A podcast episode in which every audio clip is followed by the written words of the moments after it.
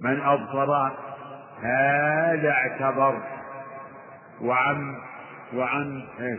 عن مثل قول الكفار انزجر وعن مثل قول الكفار كالوليد. نعم. وعن مثل قول الكفار انزجر نعم. وعلم أنه بصفاته ليس كالبشر. وعلم أن ربه أن الله تعالى بصفاته ليس كالبشر. الله تعالى ليس كمثله شيء لا في ذاته ولا في صفاته ولا في أفعاله. سبحانه وتعالى سبحان الله وبحمده سبحان الله العظيم. سبحان تنزيها سبحان تنزيها لله حمدا لله سبحان الله وبحمده سبحان الله العظيم. كلمتان خفيفتان على اللسان حبيبتان إلى الرحمن تنزيه تنزيه الرب عن النقائص. عما يصف به الجاهلون والمفترون والمشركون سبحان ربك رب العزة عما يصفون وسلام على المرسلين والحمد لله رب العالمين. سائل يسأل يقول من المعلوم أن أرسال النبي صلى الله عليه وسلم إلى الجن والإنس عامة ولكن كثيرا من خطابات القرآن تخص الإنس يا بني آدم. أو يا أيها الناس هل يدخل الجن؟ لا مانع لا مانع أن يختص الخطاب. يا بني آدم قد يأتي الخطاب خاصا ومعناه العام. مثل يا أهل الكتاب لا تغلوا في دينكم. أتظنون أن هذا النهي خاص بأهل الكتاب؟ لكن التخصيص تأتي له يقتضيه بعض تقتضيه بعض الأمور. ومثل قوله يا أيها النبي اتق الله. أفا يكون هذا خاصا بالنبي؟ يا أيها النبي اتق الله. ولا تطع الكافرين والمنافقين. وقف على هذا نعم. أحسن الله إليكم. كيف نوفق بين قول الرسول صلى الله عليه وسلم؟ سيكون في أمتي كذابون ثلاثون وبين ما نراه من كثرة من كثرة المدعين. يقول بعض أهل العلم إن إن الرسول أخبر يعني إن يعني بثلاثين يعني كثير المدعون للنبوة كثير.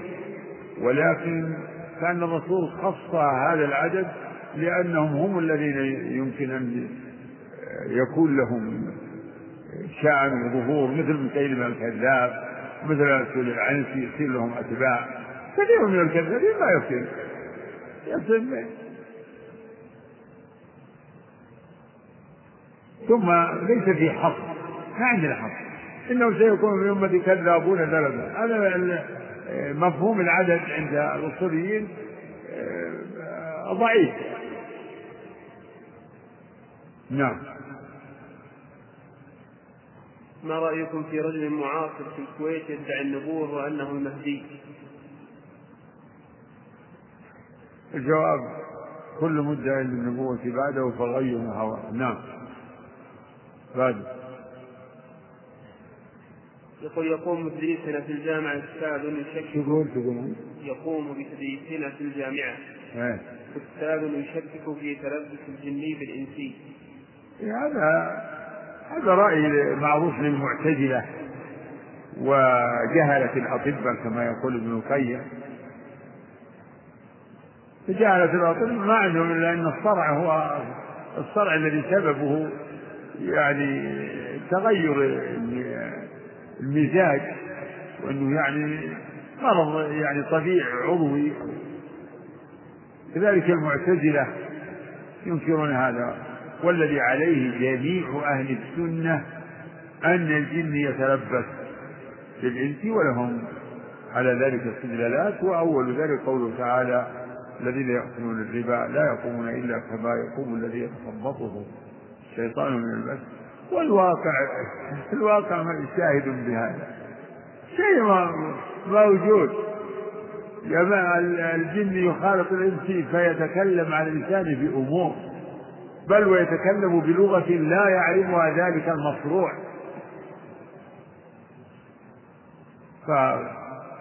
فمن ينكر ذلك من الأساس فهو على مغرور إما أن يكون هو نفسه من المعتزلة أو من المغرورين بالمعتزلة.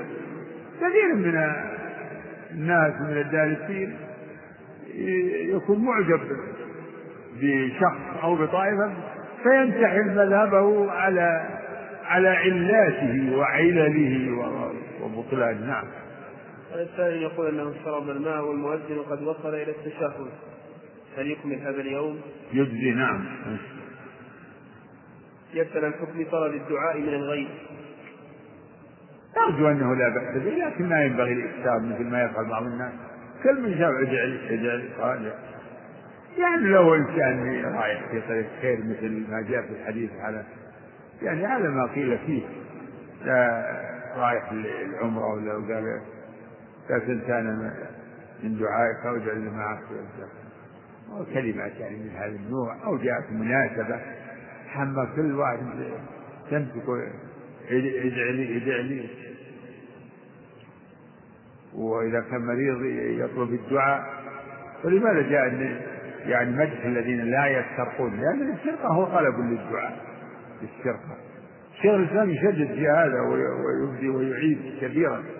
لكن أرجو أن الأمر أرجو أن الأمر واسع لكن كما ذكرت ما ينبغي التمادي والتوسع والإكثار من هذا. حتى لو أعطيت إنسان صدقة لا تطلب منه الدعاء. هل دعاء ولا لا تطلب منه صدقة ولا شيء أبدا. إنما نطعمكم لوجه الله. لا نريد منكم جزاء ولا شكرا نعم. يسأل عن الدليل على كفر من أنكر وجود الجن. إيش؟ كفر إيش؟ من أنكر وجود الجن. الدليل قوله تعالى وما خلقت الجن والإنس إلا ليعبدون. فالذي ينكر وجود الجن هو مكذب لهذه الآية وأعتراف الآية. نعم. ما مصير الجن المسلمين الذين يدخلون الجنة؟ هل يصبحون مثل أبدا يدخل الجنة كيف شاء الله. لا تسأل عنه. نعم. يسأل عن الفرق بين قول الكلابي الكلابية والأشاعرة في كلام الله. ما بينهم إلا كبير فرق. إلا أن الأشاعرة المعروف عنهم أنهم يقولون إن كلام الله معنى واحد وأولئك يقول لا إنه خبر واستخبار وأمر ونهي. يجعلونها أربعة معاني. نعم. وقول الماتريدية. ما أعرف. لهم ما أعرف مذهبهم بالضبط. لكن الغالب أنهم قريب مذهبهم من مذهب الأشاعرة. نعم. يقول هل نستطيع أن نختصر هذه الأقوال التسعة التي ذكرها الشارح إلى ستة أقوال؟ يمكن يمكن. فيها فيها تقارب وتداخل نعم. ولا ذكرها تسعة إلا نعم ما مر عليه ذكر تسعة اللي ذكر الشيخ الإسلام في بعض المواضع أو في درء التعارض. ستة يعني أنا الذي مررنا عليه يمكن نقول مذهب أهل السنة والجماعة وهو أن يعني أن الله يتكلم بما شاء إذا شاء وأن كلامه قائم به وأنه لم يزل متكلما إذا شاء بما شاء وأن القرآن كلام الله منزل من غير مخلوق منه بدأ وإليه يعود كما تقدم. ومذهب الأشاعرة كما تقدم ذكره والكلابية قريب منه. والفلاسفة كما ذكر عندكم في الكتاب أنهم يقولون هم لا يؤمنون لا يؤمنون في الحقيقة بوجود الله الإيمان المعقول والمشروع. يقول إنه فيض فاض من العقل الفعال على على يعني على النفس الذكية. وهم لا يقرون بوجود ملائكة ولا ولا يقرون بأن بأن الله يتكلم. يقول إنه فيض فاض من العقل الفعال. إلى آخر الأقوال التي عندهم. نعم. ذكر القول مزيد هنا. إيه. قال وسابعها أن كلامه يتضمن معنى قائما بذاته هو ما خلقه في غيره. لا. وهذا قول أبي منصور. إيش إيش أن كلامه يتضمن معنى قائما بذاته هو ما خلقه لا. في غيره. لا. وهو ما وهو ما خلق كأن معنى كلام إن كلام الله يتناول أمرين. على المعنى القائم به وعلى المعنى وعلى ما خلقه في غيره. وهذا قريب من مذهب الأشاعرة لأنهم يقولون كلام الله. يقولون كلام يعني يجعلون اسم كلام الله يطلق على المعنى القائم بذاته ويطلق على ذلك المعنى المخلوق على على الكلام المخلوق. نعم. غيره الله إليك. هل يفهم من حديث الخلة للرسول صلى الله عليه وسلم وأخيه إبراهيم عليه الصلاة والسلام أن الأنبياء وصالح البشر أفضل من الملائكة؟ نعم هذا مما يستدل به نعم. نعم. هل يجوز أن أقول لأخي في الله خليلي؟ ما يمكن ما يمكن. الصحابة أبو هريرة وغيره يقول قال خليلي يعني الرسول عليه الصلاة والسلام. و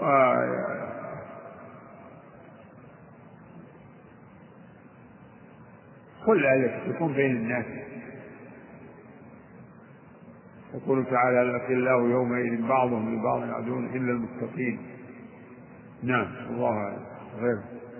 يسأل السائل عن أجهزة الكمبيوتر الأصلية تكون بأسعار مرتفعة وتنسخ وتباع بأسعار رخيصة. ما أما أما لا ما ينبغي شراء من من ينسخ للترويج هذا يعتدي على حق المنتج لأن الذين ينتجون هذه الأشرطة أو يتكلفون في ذلك أموالا طائلة هي أشرطة؟ المقصود إنها المعروف إنها يعني تتطلب منهم أموال كبيرة لإنتاجها فاستنساخها للبيع والترويج هذا فيه ضار وفي الحديث الصحيح لا ضرر ولا ضرر. نعم غيره. نرجو فضيلتكم توضيح هذه العبارة. القرآن كلام الله غير مخلوق وقراءتنا له مخلوقة.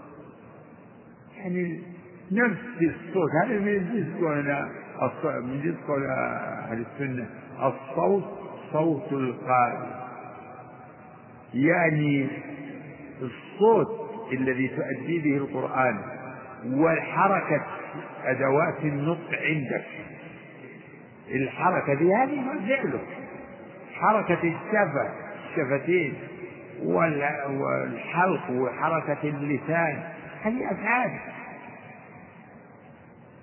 مثل ما نقول إن إن المداد مخلوق والورق مخلوق. أما الكلام المكتوب فليس بمخلوق. نعم. أحسن الله إليكم يقول يحتج المبتدع في إثبات القرآن أن القرآن يشفع لمن أعطاه حقه ويقتص ممن هجره. هذا عند العلم عندكم موجود في الشرح. هذا هو القراءة نفسه عمل الذي يشفع ويأتي ويحاج عن صاحبه والبقرة وآل عمران تحاجان عن صاحبهما. هي نفس القراءة العمل عمل العبد. العمل قراءة العبد لسورة البقرة وآل عمران وقراءته للقرآن هي التي فيها الإخبار والكلمة قرآن تطلق على نفس القرآن الذي هو كلام الله وعلى القراءة. يعني نفس الصيغة دي قرآن. عندك وقرآن الفجر إن قرآن الفجر كان مشهودا. وكذلك قول فإذا قرأناه فاتبع قرآنه يعني قراءته.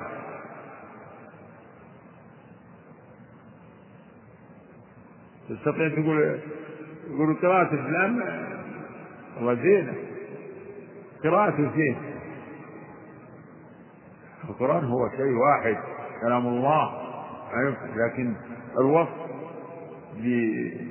بأنها زينة أو بأنها مستقيمة أو غير مستقيمة. هذه كلها صفة لأفعال العباد. كما حرر ذلك البخاري في صحيحه وفي كتاب خلق أفعال العباد. نعم. أحسن الله إليكم. هذا يذكر أنه حفظ بعض المتون في العقيدة ويريد أن يحفظ الكافية الشافية لابن القيم. فهل ترون له حفظها كاملة أو اختيارات منه؟ الله هذا يرجع إلى يعني ملكة الحفظ. إذا كان قد حفظ القرآن وحفظ متون من الحديث والمتون العلمية الأخرى إذا كان عنده ملكة يستطيع بها أن يحفظ الدنيا فليحفظ وإذا كان يعني اقتصر على بعض المواضع وبعض الفصول لا شك إنه لا يستوى بعضها اهم من بعض. نعم. أحسن الله إليكم. هل في القرآن مجاز؟ هذه المسألة لا لا أحب أن أدخل فيها لأن هذه موضوع ما.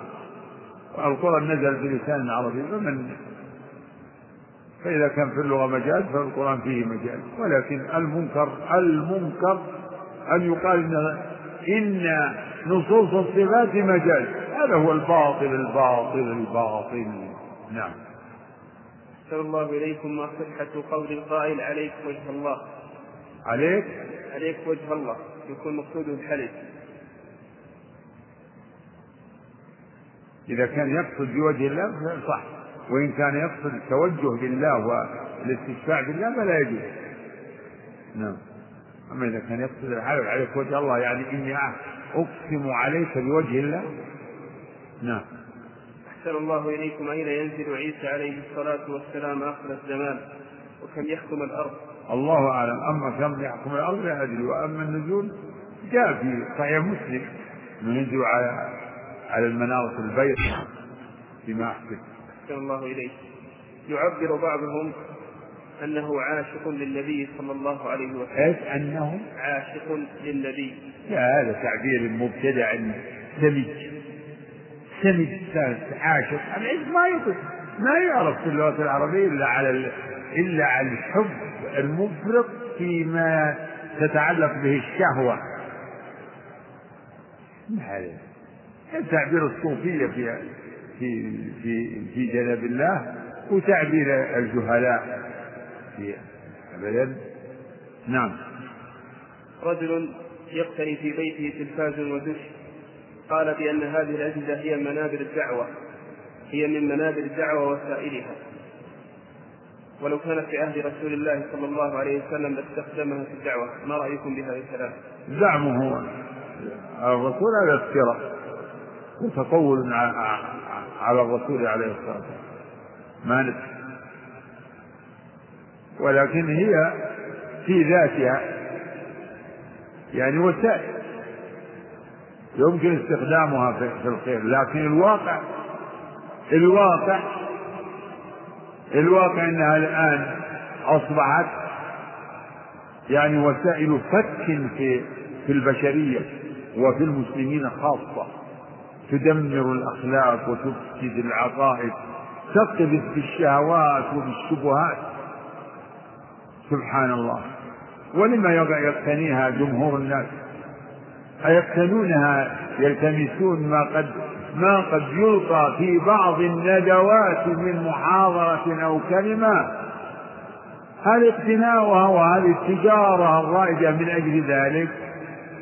أم تلبيس شنشنة نعرفها من أخذ من قديم حين طلع التلفزيون و الذين يهوون اقتناء يقول من أجل كذا ومن أجل كذا. والله والله من وراء القصر نعم أحسن الله إليكم هل توصف الكتب الكتب السابقة للقرآن بالإعجاز؟ إيش؟ هل توصف الكتب السابقة للقرآن بالإعجاز أم أن هذا خاص بالقرآن؟ هذا خاص بالقرآن وأما الكتب الأخرى لا فلا يعني لا أذكر لا أذكر ما يوجب نفيا ولا إثبات نعم. أحسن الله إليكم ما الله أعلم. قول من يقول إن الله سبحانه وتعالى لا يتكلم بحروف وآلة لأن الحروف مخلوقة وكلام الله هذا هذا بالضبط. هذا واحد من الأشاعرة ونحوه وكلمة أعلى من الغير. يعني يعني نوع من من من التشنيع ونوع من التبرير للمذهب الباطل. أبد الله يتكلم وكلامه والقرآن كلام الله حروفه ومعانيه حروفه ومعانيه ألفاظه ومعانيه وكلام الله. والله يتكلم أما آله وما آله هذا هو الكلام الذي لا نقول به. ومن يقول إن, إن الكلام يستلزم أن يكون بكذا وأن يكون فيه كذا لهوات وهذا من قياس الخالق على المخلوق. هذا هي من الشبهات إن إن إن إنهم يعتقدون إن اثبات هذه الصفات تستلزم أن يكون كلام الله أو صفاته مثل صفاتنا. لكن مع الفرق. نقول إنه تعالى موصوف بما وصف به نفسه مع التباين ليس كمثله شيء وهو السميع البصير. نعم. أحسن الله إليكم هذا يسأل عن جواز الكلام في مسألة خلو الرحمن من عطف خلو العطف للرحمن لا إله إلا الله لا إله إلا الله لا حول هذه تكلم فيها الناس.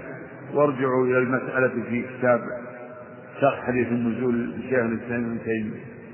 لا إله إلا الله. الله تعالى ينزل كيف شاء وهو مستوى على عرشه كيف شاء. نعم. نعم. يقول هل هل كل هل كل القرآن منزل بواسطة جبريل أم أن غيرهم من الملائكة؟ ما علمنا هذا هو الأصل. وإن دل دليل على نزول شيء منه بواسطة ملك من الملائكة فالله يفعل ما يشاء. نعم. ذكر حديثا أن النبي صلى الله عليه وسلم كان جالسا مع جبريل عليه الصلاة والسلام إذ نزل ملك من السماء. نعم نعم خلاص هذا أقول هذا يمكن أن يستدل به على أن ذلك الملك نزل لتلك الآيات نعم. غير صلى الله إليكم. ذكرتم حفظكم الله أن قول الجن إنا سمعنا كتابا أنزل من بعد موسى. كما حكى الله عنهم أن موسى مرسل إلى الجن. هذا هو الظاهر. ولا يعارض ذلك قوله صلى الله عليه وسلم أعطيت خمسا لم يعطهن أحد قبلي وذكر منها وكان النبي يبعث إلى قومه خاصة وبعثت إلى الناس كافة.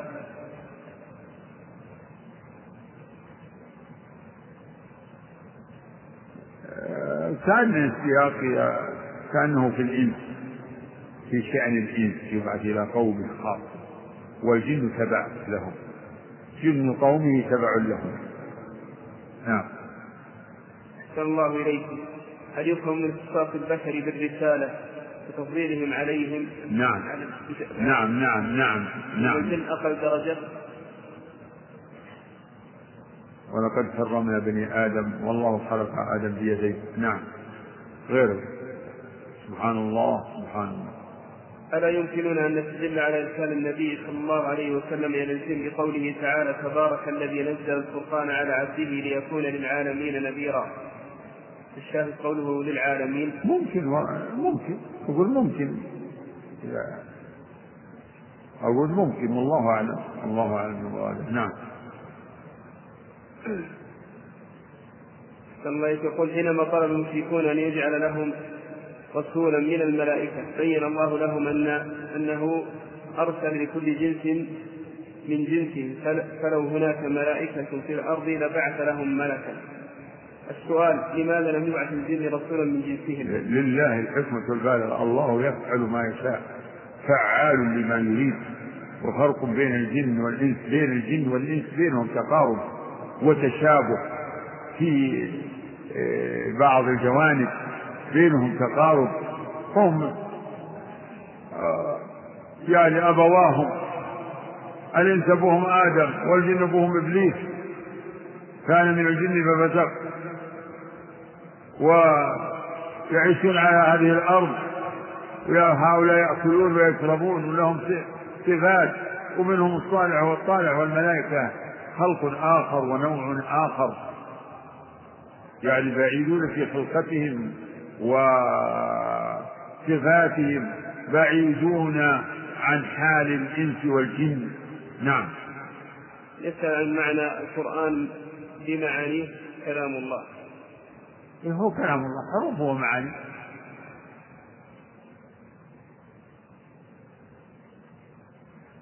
حروف ومعاني كلام الله. ليس كلام الله الحروف فقط دون المعاني. ولا المعاني دون الحروف وهذه العبارة شيخ الإسلام ابن تيمية في العقيدة الواسطية نعم. يسأل هل يمكن أن يحدث تزاوج بين الإنس والجن؟ والله ما ندري نعم. أحسن الله إليك. الأسئلة الفضولية دي. يعني يمكن ندور منهم؟ نعم. صلى الله وسلم. الحمد لله رب العالمين وصلى الله وسلم على نبينا محمد وعلى آله وصحبه أجمعين. قال الطحاوي رحمه الله تعالى والرؤية حق لأهل الجنة بغير إحاطة ولا كيفية كما نطق به كتاب ربنا وجوه يومئذ ناظرة إلى ربها ناظرة. وتفسيره على ما أراد الله تعالى وعلمه إلى الحمد لله وصلى الله وسلم وبارك على عبده ورسوله وعلى آله وصحبه. يقول الصحابي رحمه الله والرؤية حق لأهل الجنة بلا إحاطة ولا كيفية.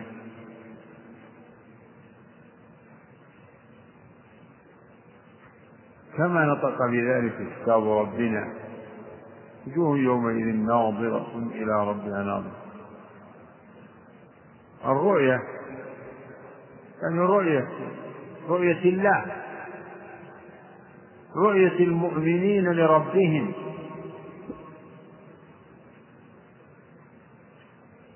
رؤية المؤمنين لربهم بأبصارهم. حق يعني أنها ثابتة وواقعة.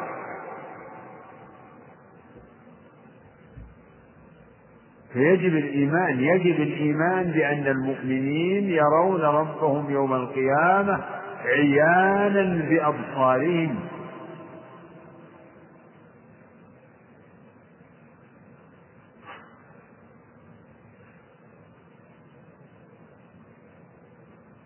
لكن من غير إحاطة.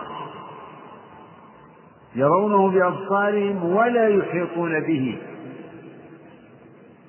ما يرون رؤية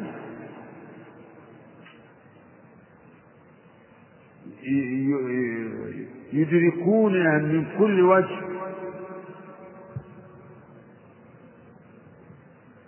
لا يرونه وهو أعظم.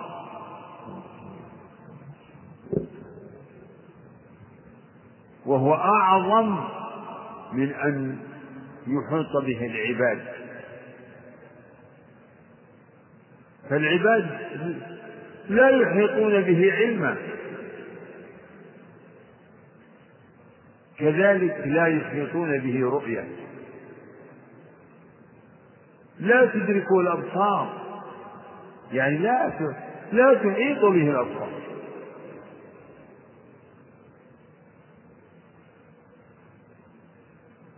بلا كيفية بلا إحاطة. ولا كيفية.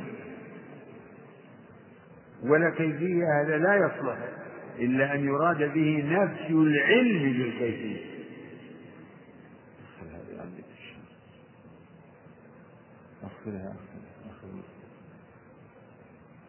نفي العلم بالكيفية. وإلا فرؤية المؤمن لربه لها كيفية. وله تعالى كيفية لكن لا نعلمها. فالنفي للكيفية متعلق بالعلم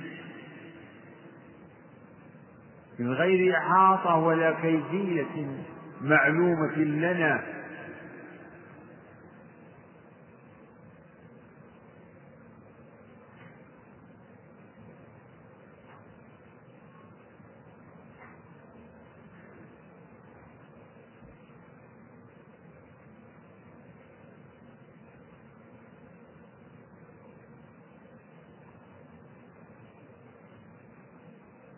وهذه مسألة الرؤية.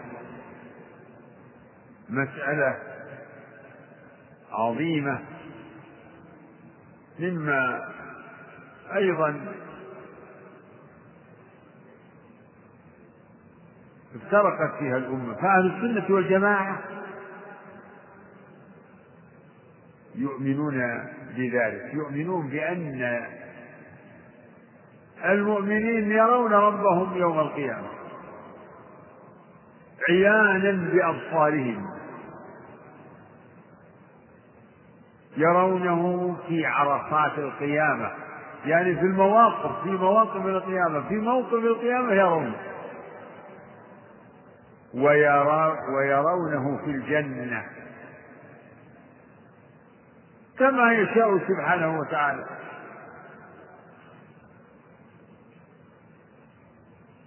يرونه ويسعدون وينعمون ينعمون بالنظر إلى إلى ربهم. وجوه يومئذ ناظرة. إلى ربها ناظرة. في الآية الأخرى على الآرائك ينظرون. تعرف في وجوههم نظرة النعيم. فذكر النظر والنضارة أو النظرة نظرة النعيم.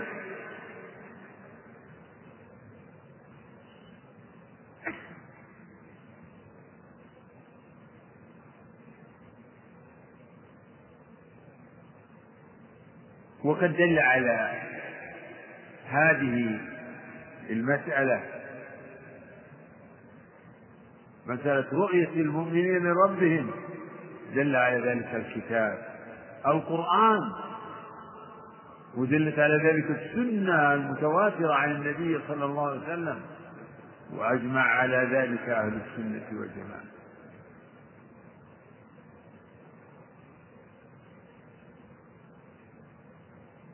فأما القرآن فأصرح آية في ذلك ما ذكره السنة الآية من سورة القيامة.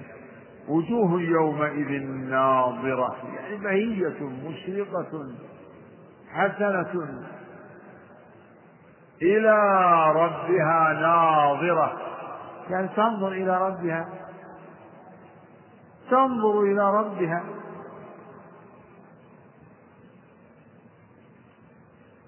ونظر في اللغة العربية ناظر هذا الفعل يأتي على وجوه في اللغة العربية.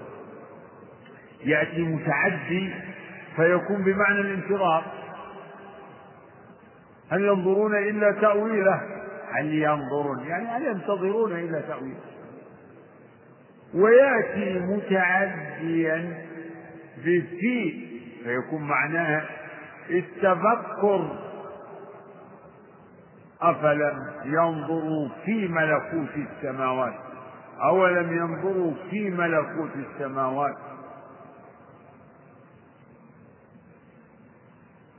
من جنس أولم يتفكروا في أنفسهم؟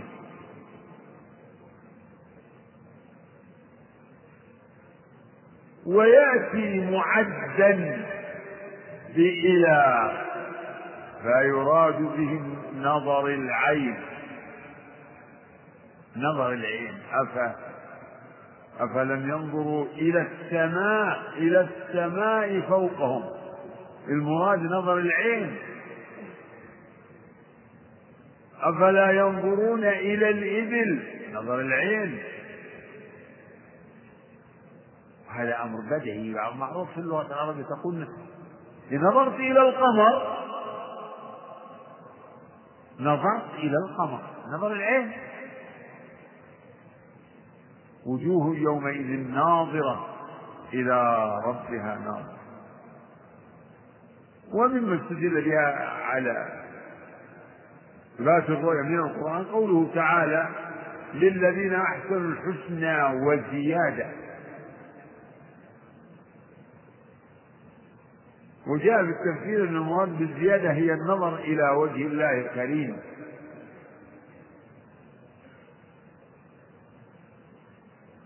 زيادة للذين أحسنوا الحسنى وزيادة.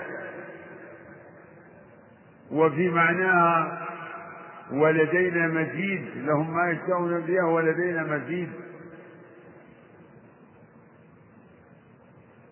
كما استدل أهل السنة على ذلك بقوله تعالى في الكفار كلا إنهم عن ربهم يومئذ لمحجوبون. فلو كان المؤمنون لا يرونه لا استووا هم الكفار. كلا إنهم عن ربهم يومئذ لمحجوبون.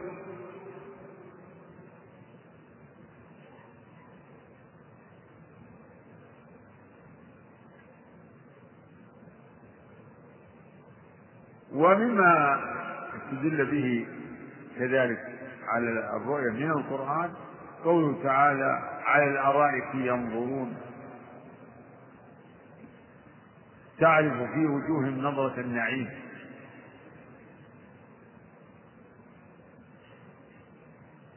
قيل فيه ينظرون ينظر بعضهم إلى بعض وقيل ينظرون إلى الكفار وهم يعذبون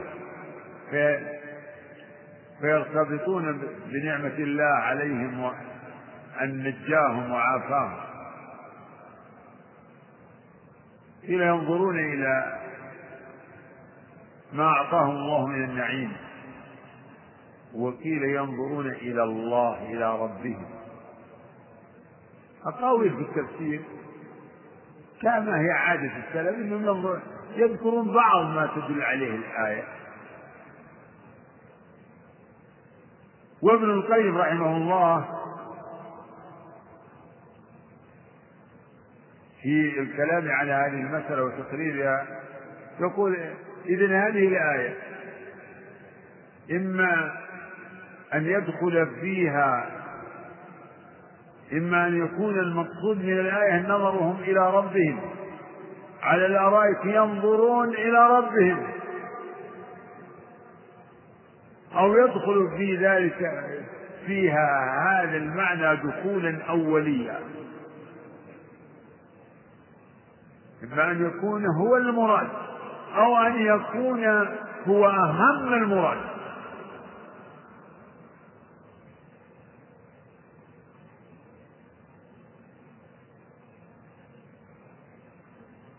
وكذلك السنة. وقد تواتر عن النبي عليه الصلاة والسلام أنه قال ترون ربكم. سألوه هل, هل نرى ربنا؟ قال هل تضارون في القمر ليلة البدر؟ قالوا لا. هل تضارون في الشمس؟ ليس دونها سحاب قالوا لا. قال إنكم ترونه كذلك. وقال إنكم لن تروا ربكم حتى تموتوا. الله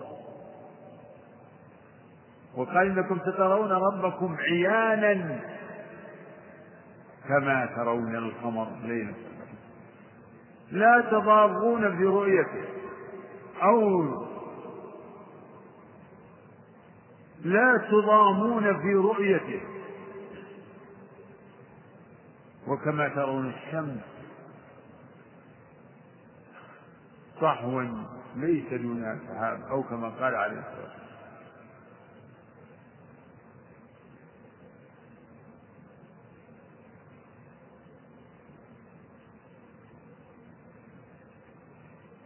ولم يختلف أهل السنة في ذلك في رؤية المؤمنين لربهم يوم القيامة.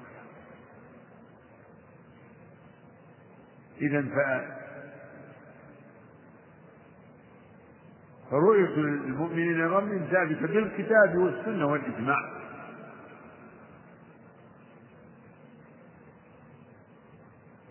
وهي من مما طالب المؤمنين ومما يرجون الفوز به. ولهذا جاء في الدعاء وأسألك لذة النظر إلى وجهك الكريم. لا إله إلا الله.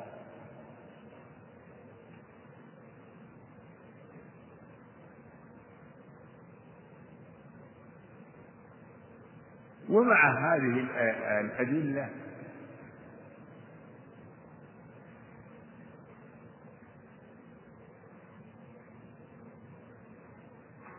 ظن ومع هذه الأدلة قد عمي عمي عنها من لبس عليهم الشيطان فأضلهم عن سواء السبيل. من الجهمية والمعتزلة ومن وافقهم. فقالوا إنه تعالى لا يرى. سبحانك هذا بهتان عظيم لا يرى.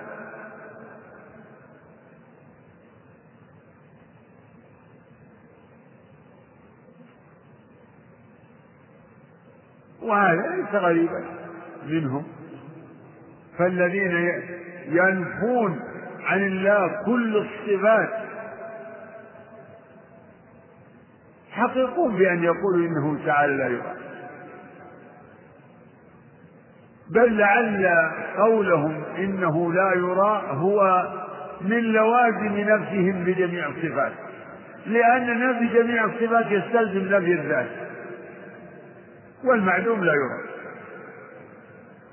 فنفي جميع الصفات يستلزم نفي الذات. إذا فنفي جميع الصفات يستلزم أنه لا يرى. إذا فقولهم بنفي الرؤية مناسب لمذهبهم في التعطيل ونفي صفات الرب تعالى وتقدم.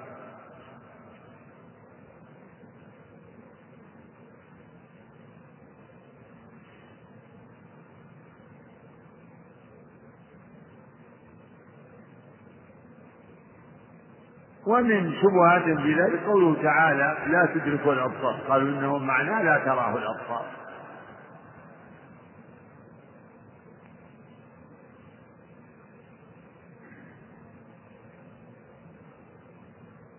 وأجيب عن هذا بأن قوله تعالى لا تدركه الأبصار أن هذا نفي للإحاطة. هذا الذي عليه أكثر المفسرين. لا تحيط به. ونفي الأخص لا يستلزم نفي الأعم. بل الآية إذن على هذا هي دالة على إثبات الرؤية لا على نفيها لكنها دالة على إثبات الرؤية من غير إحاطة.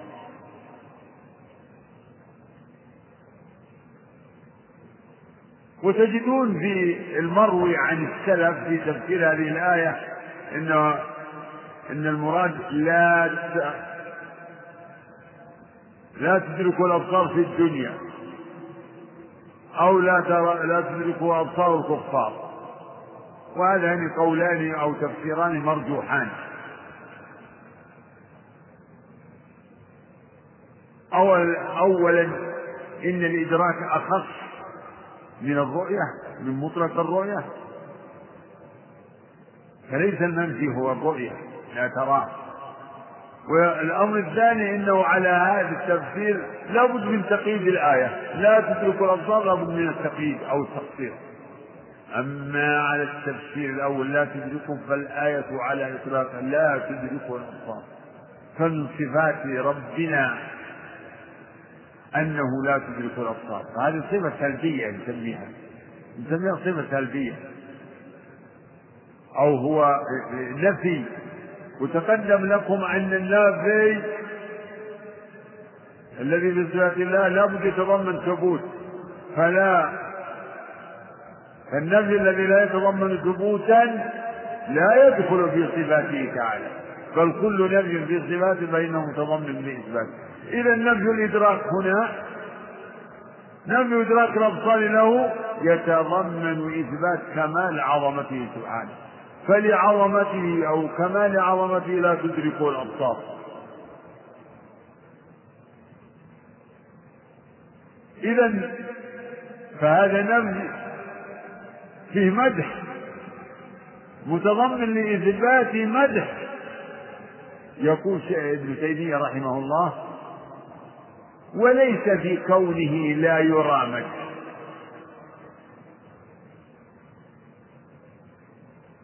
يعني على حد قول المعتزلة ليس في كونه لا يرى مدح لأن المعدوم لا يرى.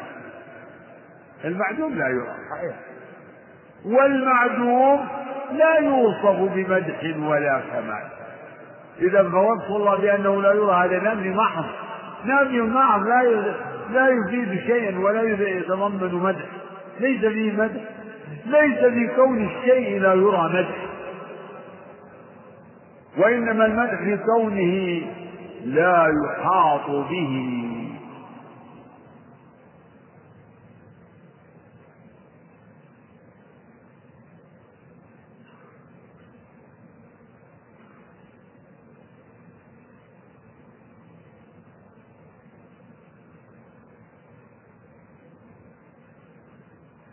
ثم ماذا يصنعون بهذه الأحاديث؟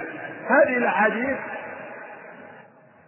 نبات الرؤيا إما يعني أما الآيات فإنهم على طريقتهم يحرفونها. يحرفونها.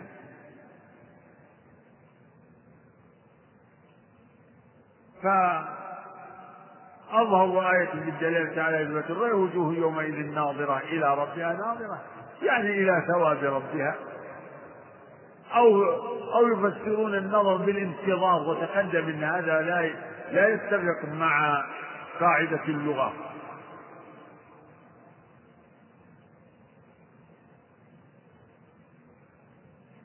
فنظر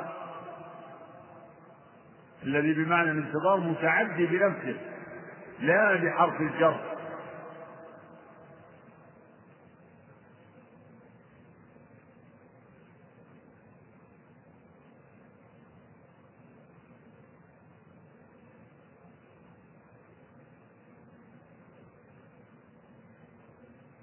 و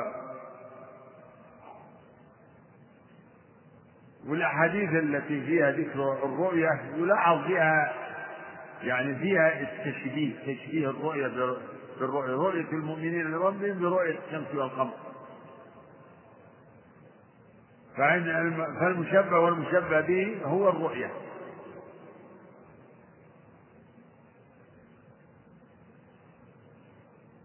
يقول أهل العلم فشبه الرؤية بالرؤية رؤية المؤمنين لربهم برؤيتهم بالشمس والقمر.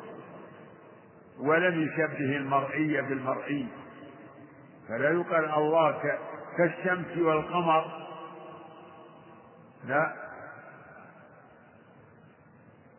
إنكم سترون ربكم كما ترون. يعني ترون ربكم رؤية كرؤيتكم للشمس والقمر. شبه الرؤيا بالرؤيا ووجه الشبه. وجه الشبه بين الرؤيتين أولا أنها رؤية بصرية. بصرية لا علمية.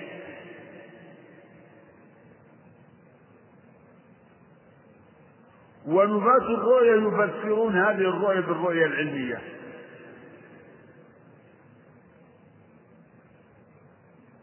يفسرون الرؤيا بالرؤية العلمية. رؤية علمية. ما يعني؟ لا.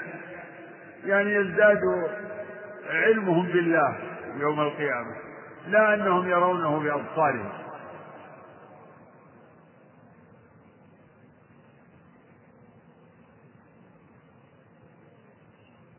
هذا إذا يعني هذا إذا سلموا ثبوت الأحاديث وإلا فهم يردونها. زاعمين طاعنين في بعض رواتها وهم ليسوا كفءا لأن يتكلموا في ذلك أو جاعلين أنها آحاد ومن القواعد الباطلة والأصول الباطلة أن أخبار الآحاد لا يحتج فيها في مسائل الاعتقاد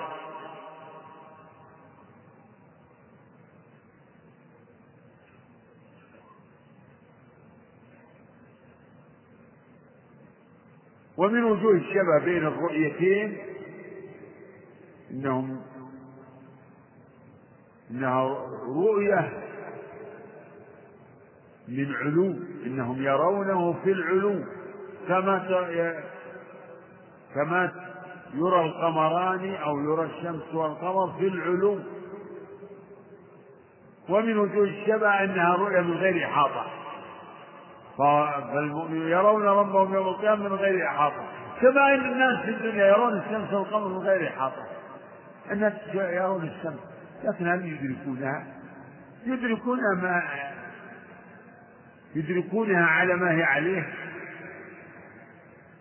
كما يحيطون برؤية مثلا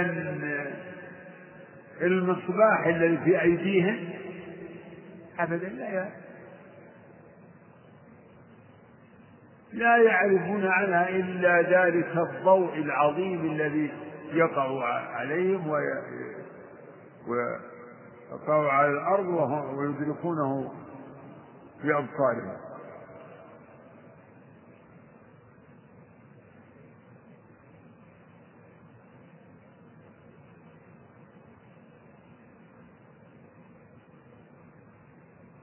فقول الجهمية والمعتزلة قول باطل مردود بالكتاب والسنة والإجماع وإنكار الرؤية إنكار لأمر يعني معلوم من دين الإسلام بالضرورة أمر معروف يعني لأهل, لأهل العلم. فإنكار الرؤيا كفر جعد لما دلت عليه هذه النصوص المستفيضة من القرآن ومن الحديث ولما أطلق عليه الصحابة والتابعون لهم بإحسان.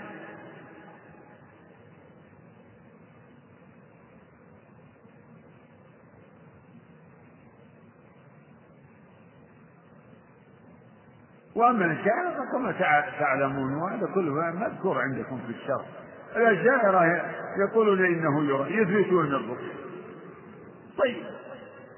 لكنهم يتناقضون يقولون يرى لا في جهة يرى لا في جهة. إيش معنى لا في جهة؟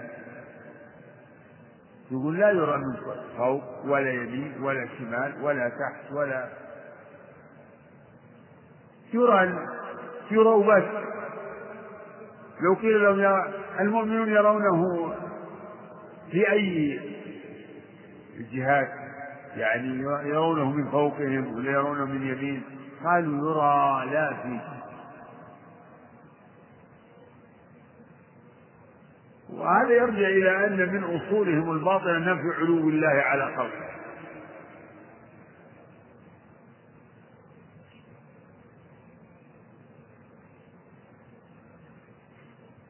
وقال ويقول إن الرؤيا تحتاج إلى مقابلة. مقابلة فليقل نعم. الله تعالى في علاه في العلو والعباد ينظرون إلى ربهم كيف شاء سبحانه وتعالى. وما المحظور في أن تكون هناك يعني مقابلة؟ هم يقولون يرى لا في جهة فأضحكوا عليهم العقلاء وأتاحوا الفرصة لمن؟ للمعتزلة أن أن يعتدوا عليهم. وكأنهم ما أثبتوا كأنهم ما أثبتوا الرؤية.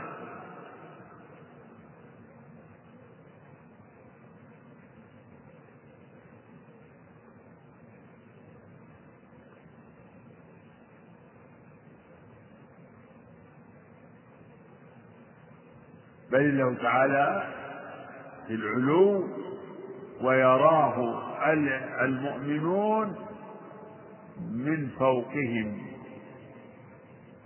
يرونه من فوقهم سبحانه وتعالى. فقول الشاعرة فيه تلفيق هذا هو يعني قاعدة مذهبهم التلفيق. فهم في باب الصفات يثبتون كذا من الصفات وينفون كثيرا منها. وفي الكلام كما تقدم يثبتون الكلام وكأنهم ما أثبتوا.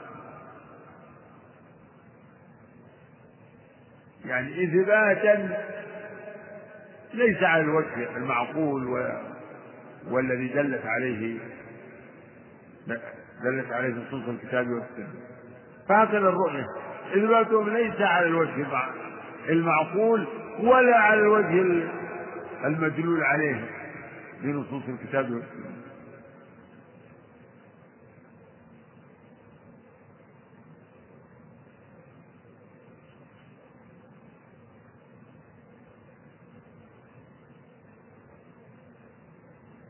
والشارع عندكم قد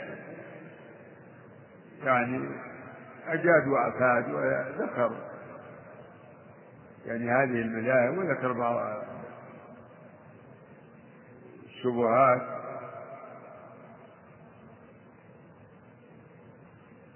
نعم. صلى الله إليكم قال رحمه الله نعم. وتفسير ذلك. وتفسيره على ما أراده الله تعالى وعلمه. يقول وتفسير وتفسير وتفسيره وتفسيره على ما أراد الله وعلمه.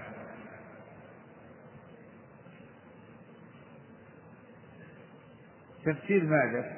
تفسير رؤية المؤمنين لربهم. رؤية المؤمنين لربهم حق.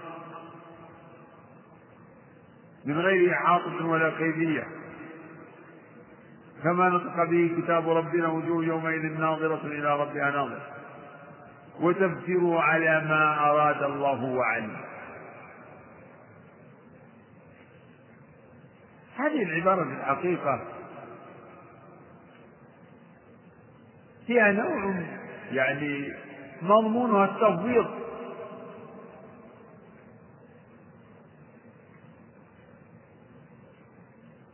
يعني تفسير ما ورد من النصوص في شأن الرؤية تفسيرها على ما أراد الله وعلمه. يعني ونحن لا نعلم لا نعلم معاني تلك النصوص. هذا ما يصح. ولا يصح أن يريده المؤلف لأنه أثبت الرؤية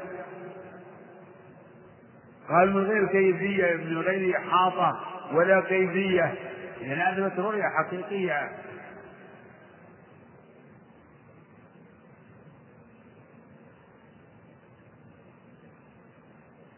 تفسيره على ما أراد الله وعلمه.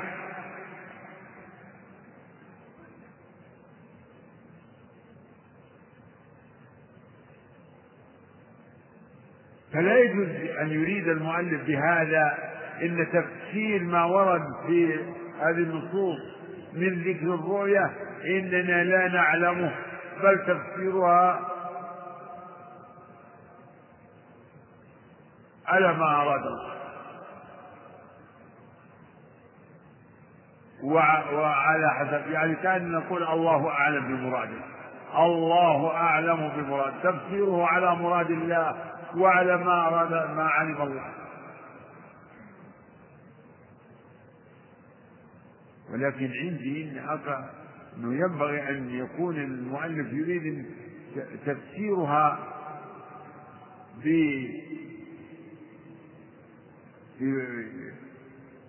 التفسير الذي هو معرفة الحقيقة. كما يأتي في الكلام على التأويل. الذي هو معرفة الحقيقة. يعني كأنه يقول وحقيقة ذلك حقيقة ذلك وكيفية ذلك على ما أراد الله وعلم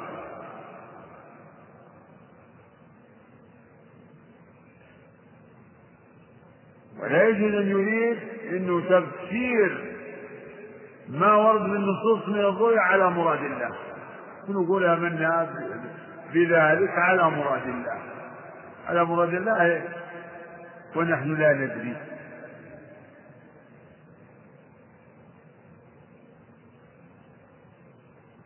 نعم. أراد الله من هذه النصوص الرؤية. وجوه يومئذ ناظرة إلى ربها ناظرة. مراد الله من ذلك أنهم ينظرون إلى ربهم.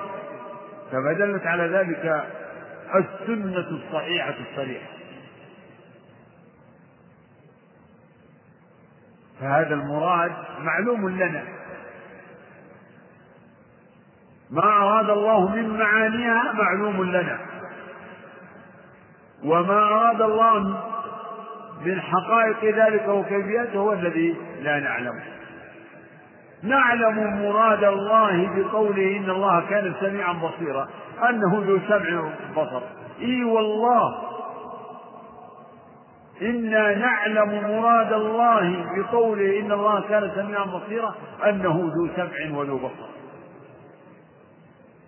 هذا مراد معلوم لنا مراد لله. الله أراد منا أن نعلم به. وعلمنا إياه وعرفنا به. هكذا نقول أيضا في موضوع الرؤيا وكذلك الرسول عليه الصلاة والسلام من قوله إنكم سترون ربكم. والله إن مراده أن نعلم أن أننا نرى ربنا يوم القيامة. هذا مراد. أما حقيقة ذلك وكيفيته فذلك الذي لا نعلمه كما سيأتي. والله يعلم هذا وهذا. يعلم ما أراد من كلامه ويعلم حقائق ما أخبر به سبحانه وتعالى. وتفسير ذلك على ما أراده الله على ما أراده على ما أراده الله عنه. نعم بعد. أحسن الله إليكم وكل ما جاء في ذلك من الحديث الصحيح عن الرسول صلى الله عليه وسلم فهو كما قال ومعناه على ما أراد. لا ندخل في ذلك متأولين بآرائنا ولا متوهمين بأهوائنا فإنه ما سلم في دينه إلا من سلم لله عز وجل ولرسوله صلى الله عليه وسلم. ورد علم ما اشتبه عليه إلى عالمه. لا إله نعم أعد وكل ما جاء في ذلك من الحديث الصحيح. يقول وكل ما جاء من الحديث الصحيح عن النبي صلى الله عليه وسلم فهو على ما أراد الله. وكل ما جاء من الحديث الصحيح عن النبي صلى الله عليه وسلم. فهو كما قال. فهو كما قال. هو كما قال.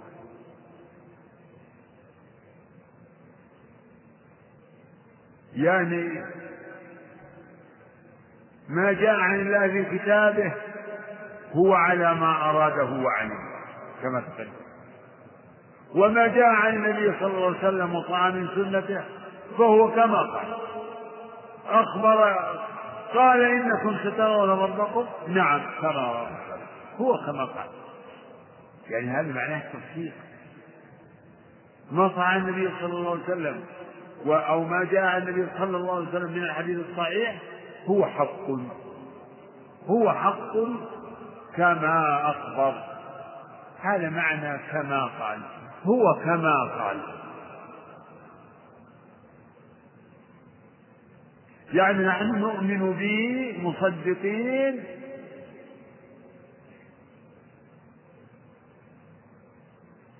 نؤمن بأنه بأن المؤمنين يرون ربهم يوم القيامة. تصديقا لخبر الله وتصديقا لخبر رسوله عليه الصلاة فما جاء النبي عليه الصلاة والسلام من صحيح السنة في ذلك فهو كما قال. وهذا أصل.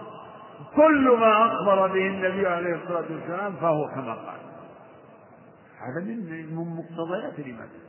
كل ما أخبر به صلى الله عليه وسلم هو كما قال.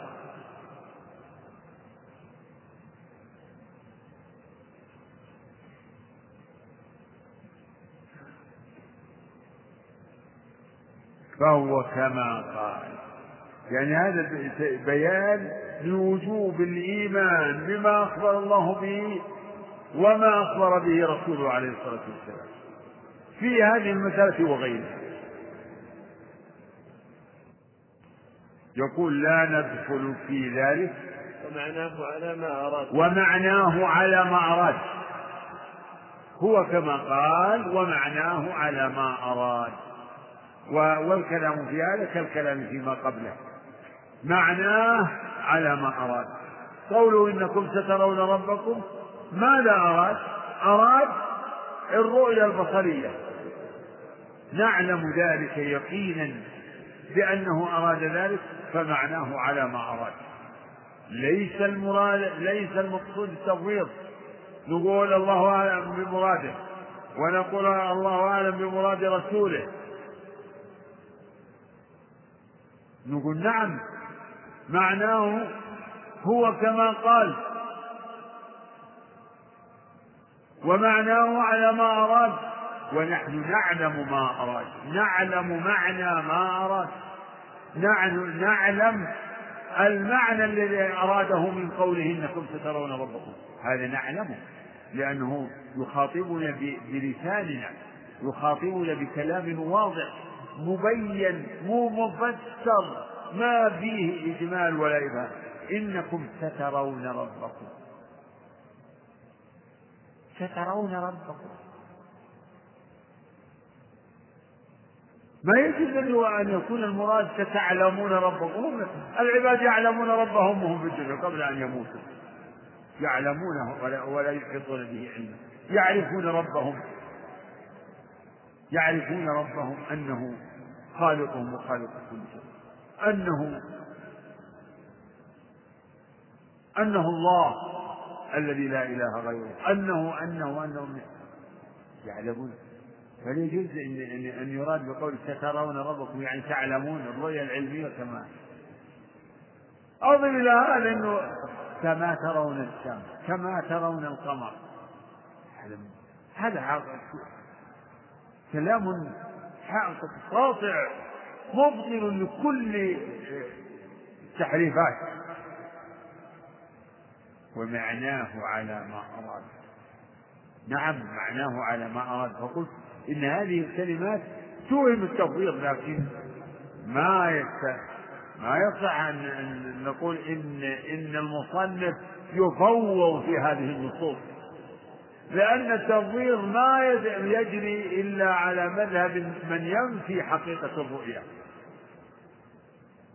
والمصنف بريء من هذا. المصنف يثبت الرؤيا. الرؤيا حق لأهل الجنة. حق رؤيا. بصرية بأبصارهم. ما جاء عن النبي صلى الله عليه وسلم من الحديث الصحيح هو كما قال ومعناه على ما أراد نعم. لا ندخل في ذلك متأولين بآرائنا. لا ندخل في ذلك متأولين. لا ندخل في ذلك. لا نخوض في هذه النصوص ونتكلم فيها بآرائنا متأولين. نتأولها التأول هو بمعنى التأويل. لا ندخل في ذلك متأولين لتلك النصوص بآرائنا يعني برأينا الماحظ لا ندخل في ذلك متأولين يعني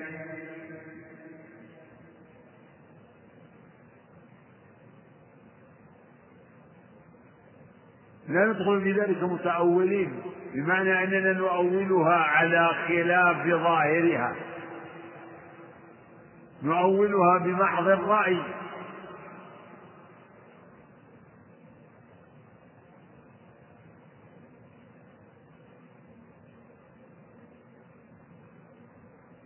والتأويل له ثلاثة معاني. يقول ابن تيمية إن التأويل قد صار مستعملا في ثلاثة معاني. التأويل باصطلاح المتأخرين من الأصوليين و وأهل الكلام صرف اللفظ عن احتمال الراجع إلى احتمال المرجوح لدليل يقترن به. يعني هذا يسمونه التأويل.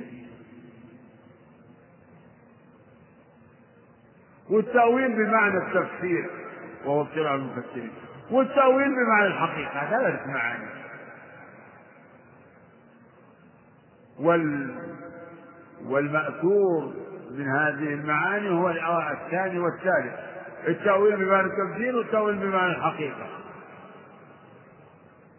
وأما التأويل بمعنى صرف اللفظ عن الاحتمال الراجع إلى احتمال المرجوع فهذا اصطلاح حادث.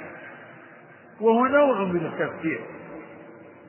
لكن الأصل أن الكلام يفسر بظاهره يحمل على ظاهره ولا يجب صرفه عن ظاهره إلا بدليل يجب المصير إليه.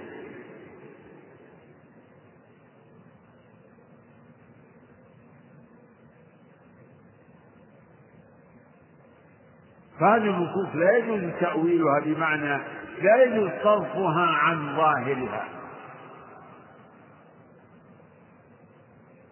بل يجب إجراؤها على ظاهرها كما كالقول في سائر الصفات يجب إجراؤها على ظاهرها وظاهرها هو إثبات الرؤية البصرية إثبات رؤية المؤمنين لربهم يوم القيامة عيانا بأبصارهم.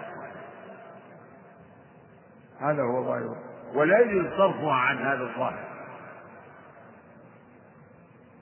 لأنه ليس هناك حجة ليس هناك حجة صحيحة توجب ذلك توجب صرف هذه النصوص عن ظاهرها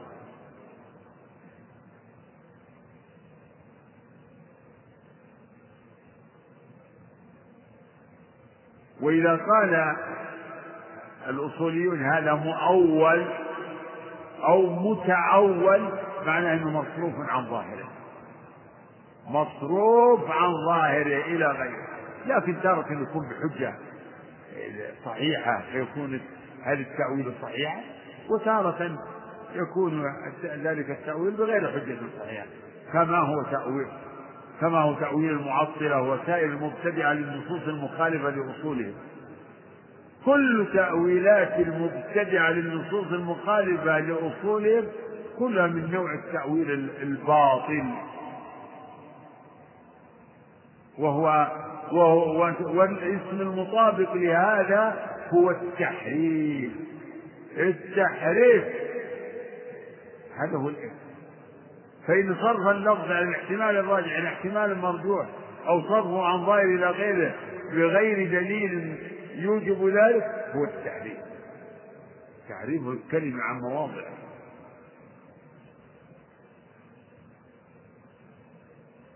لا إله إلا لا ندخل في ذلك. لا نتكلم في هذه النصوص متأولين بآرائنا. نعم. ولا متوهمين بأهوائنا. ولا متوهمين. متوهمين. ولا ندخل فيها في نتوهم فيها أشياء بدافع الهوى. يتوهم فيها خلاف ظاهرها بدافع الهوى. أحيانا يكون التأويل ما له أي دليل ما هو إلا الوهم وهم.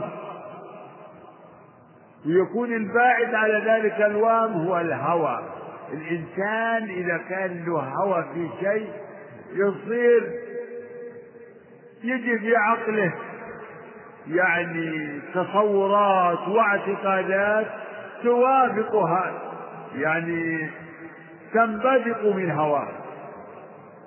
وهذا هو الذي يرمي إليه المؤلف في قوله لا ندخل في ذلك متأولين بآرائنا نحرف النصوص ونصرفها عن ظاهرها بموجب رأي وشبهات.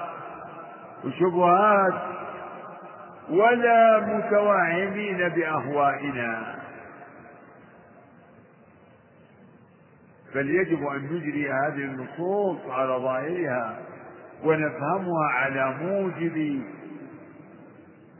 ما دل عليه اللسان العربي ونفهمها على موجب على موجب وموجب فهم السلف الصالح.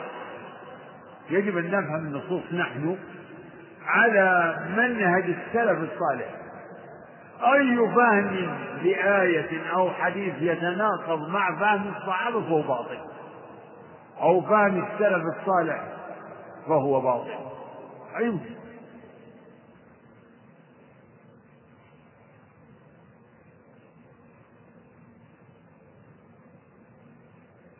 لا ندخل في ذلك متأولين بآرائنا ولا متوهم متوهم متوهمين بأهوائنا. نعم. فإنه ما سلم في دينه إلا من سلم لله عز وجل ولرسوله صلى الله عليه وسلم ورد علم ما اشتبه عليه إلى عالمه. فإنه يقول هذا تعليل. لقوله لا ندخل في ذلك متأولين ولا متوهمين بأهوائنا بل كل ما تقدم هو على مراد الله وعلى مراد نؤمن به على مراد الله ومراد رسوله صلى الله عليه وسلم. يقول إن الواجب علينا الإيمان بهذه النصوص. والتسليم لما أخبر الله به ورسوله. على مراد الله ورسوله. ما علمنا منه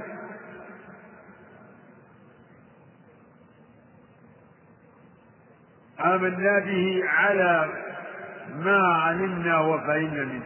وما لم نعلمه نكل علمه إلى عالم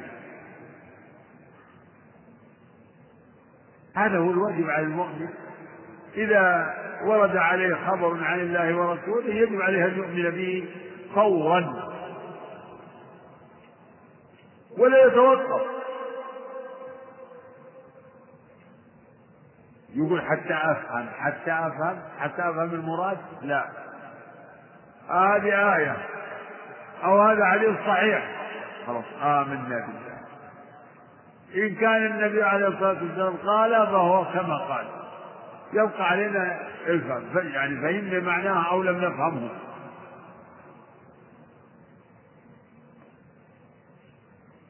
يجب أن نقابل خبر الله أو ما أخبر الله به ورسوله أن نقابله بالإيمان والإذعان. يجب أن نقابله هذا المهم ثبت. يا أهل الحديث ثبت. ثبت آمنا بالله. آمنا بالله وبما جاء عن الله وبما جاء عن رسوله صلى الله عليه وسلم.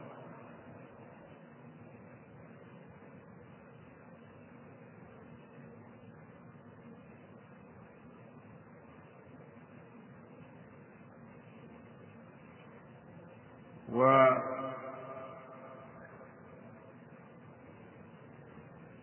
نعم. يقول لا ندخل في ذلك متأولين ولا متوهمين بأهوائنا. فإنه ما سلم في دينه إلا من سلم لله عز وجل. ولرسوله صلى الله عليه وسلم. ما سلم ولا ما سلم عبد في دينه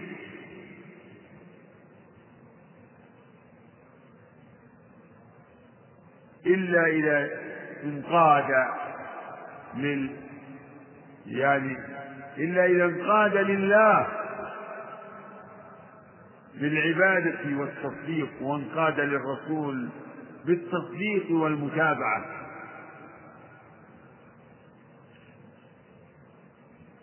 إلا من سلم ما سلم في دينه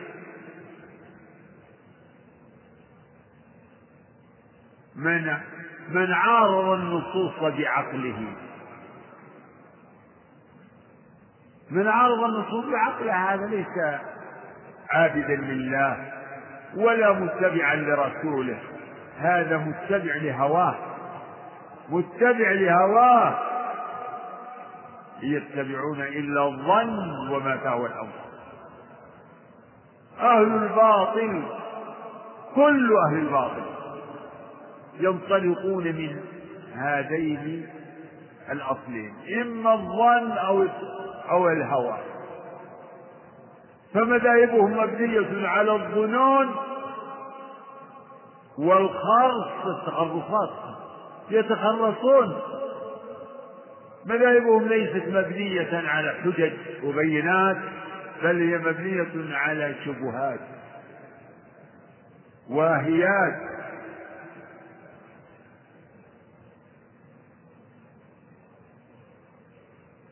وعلى الهوى. الهوى إن يتبعون إلا الظن وما تهوى الأنفس. وإن تطع أكثر من في الأرض يضلك عن سبيل الله. إن يتبعون إلا الظن وإن هم إلا يخرصون.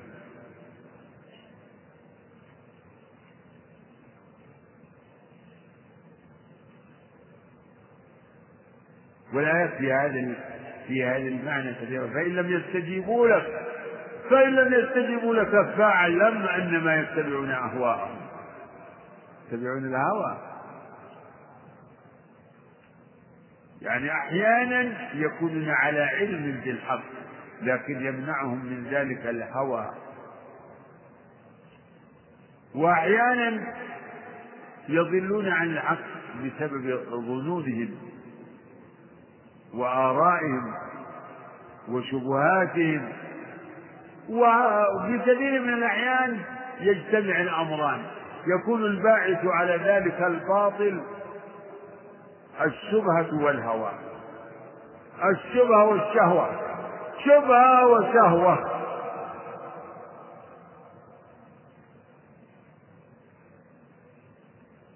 فهذا الذي يحكم الذين يحكمون عقولهم وإن هؤلاء المبتدعة. يعني مثل الآن في باب الصفات الجهمية والمعتزلة؟ أبدا. أصلهم هو تحكيم العقل. تحكيم العقل ما هو بالعقل الصحيح؟ العقل الصحيح لا يناقض لا يناقض النقل الصحيح. العقل الصحيح ما يناقض أبدا. لكن يعني حكموا بزعمهم العقل والعقل الذي حكموه عقل فاسد. أما لو أنهم يعني عملوا بموجب ولا أقول حكموا أو حكموا العقل الصريح لكان موافقا لما جاءت به الرسل. يقول أهل العلم إن الرسل لا يأتون بمحالات العقول أي بما تحيله العقول أبدا. لكن يأتون ويخبرون عن محارات العقول أو مجازات العقول. محارات يعني ما يحار فيه العقل. لا ينفي ولا يثبت يعني ما يأتي بها ما يأتي به الرسل إما أن يكون العقل شاهدا مصدقا دالا على ما أخبرت به الرسل أو يكون العقل واقفا ما عنده. جاهل. جاهل. والجاهل عليه ينقاد. الجاهل عليه يستلم ما عنده شيء. فأخبار الرسل دائرة بين الأمرين. أما شيء يحيله العقل. فلا والله لا تأتي به الرسل لأن العقل الصريح والقضايا القطعية القضايا العقلية لا تتناقض والحق لا يتناقض. وهي القضية الكبيرة التي ألف أعني الوفاق بين العقل والنقل ألف فيها الإمام العلم كتابه العظيم العقل والنقل أو درء تعارض العقل والنقل يقول فيه ابن القيم في هذا الكتاب واقرأ كتاب العقل والنقل الذي ما في الوجود له نظير ثاني. يعني في بابه. الله فإنه ما سلم في دينه. ما سلم في دينه إلا من سلم لله عز وجل ولرسوله صلى الله عليه وسلم. فعلا ورد علم ما اشتبه عليه إلى عالمه. فعلا ولا تثبت ولا تثبت قدم الإسلام إلا على ظهر التسليم والاستسلام. فمن رام علم ما حضر عنه علمه ولم يقنع بالتسليم فهمه حجب حجبه مرامه عن خالص التوحيد وصافي المعرفة وصحيح الإيمان. فيتذبذب بين الكفر والإيمان والتصديق والتكذيب والإقرار والإنكار موسوسا تائها شاكا زائغا لا مؤمنا مصدقا ولا جاحدا مكذبا. انتهى المقطع. نعم.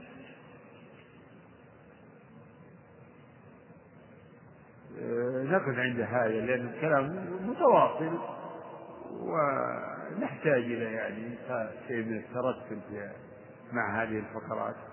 كلمات قصيرة ويسيرة لكن تحتها معاني عظيمة جليلة. فإنه ما سلم في دينه إلا من سلم لله عز وجل ولرسوله صلى الله عليه وسلم. والله أعلم. صلى الله وسلم. أحسن الله إليكم. ما حكم من أنكر رؤية الله تبارك وتعالى؟ قلت إن إنكار ذلك كفر. نعم. سائل يقول قال رسول الله صلى الله عليه وسلم إنكم ترون ربكم كما ترون القمر كما ترون البدر. فهل يؤخذ منه كيفية النظر إلى الله بأنهم ينظرون إلى أعلى كما ينظرون إلى البدر؟ أنا ذكرت هذا. ما ولا نسميها كيفية يعني المعنى. كما ترون والله قلت من وجوه المشابهة بين الرؤيتين أنهم ينظرون إلى أعلى. نعم. ما الدليل على رؤية المؤمنين لربهم في عرصات القيامة؟ ويسألون أيضا هل يرى الكفار والمنافقون ربهم؟ هذه مسألة أما الدليل على أنهم يرونه عرصات القيامة فهو حديث أبي سعيد وأبي هريرة متفق عليه. إنه يحشر الناس فيقال لتتبع كل أمة ما كانت تعبد. فمن يعبد الشمس يتبع الشمس. من يعبد القمر يتبع القمر. ومن يعبد الأصنام والطواغيت يتبعونهم إلى جهنم. يقول في الحديث متفق على صحة الحديث متفق على صحته. لا يماري فيه إلا مبطل جاهل ضال متبع بهواه فتبقى هذه الأمة وفيها منافقوها فيأتيهم الله. يأتيهم الله. يرون في صورته التي يعرفونه بها الحديث. نعم. أحسن الله عليكم. ما رأي فضيلتكم بقول في هذا القول آمنا بالله وبما جاء عن الله على مراد الله وآمنا برسول الله وبما جاء عن رسول الله على مراد رسول الله. يروى هذا عن الشافعي هذا كلام حق. ما دام إنه لا يقصد منه هذا يقول الإنسان فيما يعني فيما علم وفيما لم يعلم. آمنت بالله وبما جاء الله على مراد وآمنت برسوله. كلام حق طيب.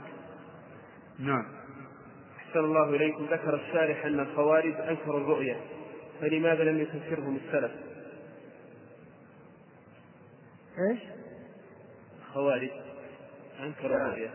ما هم الخوارج فيما أعلم ما هم الخوارج الأولين؟ ما ما أظن أن الخوارج الأولين الذين ظهروا في عهد الصحابة. الذين في عهد الصحابة ما ما ينفون الصفات ولا يتكلمون بها. هو على أصلهم الفاسد وهو التكفير بالمعاصي. وأما لكن دخل مذهب المعتزلة دخل على الخوارج وعلى طوائف كثيرة. دخل على الشيعة على الزيدية ودخل على الرافضة الإمامية. مذهب مذهب المعتزلة. والخوارج لهم بحث أيضا في تكفيرهم حتى الخوارج الأولين في تكفيرهم أقول قولان لأهل العلم وهما رواية عن الإمام أحمد. فيهم بحث. نعم. الشارح قال المخالف في الرؤيا الجهمية والمعتزلة ومن تبعهم من الخوارج من الخوارج والإمامية. تفضل هذا أحسن. ذكر بعض العلماء آه، المقصود من هذا هو. إذا هذا هو الجواب يا أخانا الكريم موجود في الشرح. هو الجواب موجود في الشرح. ومن تبعهم من الخوارج نعم. يسأل عن معاني التأويل ذكرت أن المعاني كما ذكر شيخ الإسلام في مواضع تأويل في اصطلاح المتأخرين من الأصوليين والفقهاء وأهل الكلام صرف اللفظ عن الاحتمال الراجع يخصون يخصون اسم التأويل بصرف اللفظ عن الاحتمال الراجع إلى الاحتمال المرجوح لدليل. وهذا النوع من التأويل إن كان الدليل الصارف آه، يعني صحيحا موجبا لهذا التفسير فهو حق. وإن كان شبهة واهية فالتأويل باطل. والثاني التأويل بمعنى التفسير. وهو أعم من الذي قبله. والثالث التأويل بمعنى الحقيقة. ولتوضيح الفرق بين التأويل بمعنى الحقيقة والتأويل بمعنى التفسير التأويل بمعنى التفسير كلام. كلام. والتأويل بمعنى الحقيقة ما هو كلام يكون شيء يعني يرتبط بالواقع.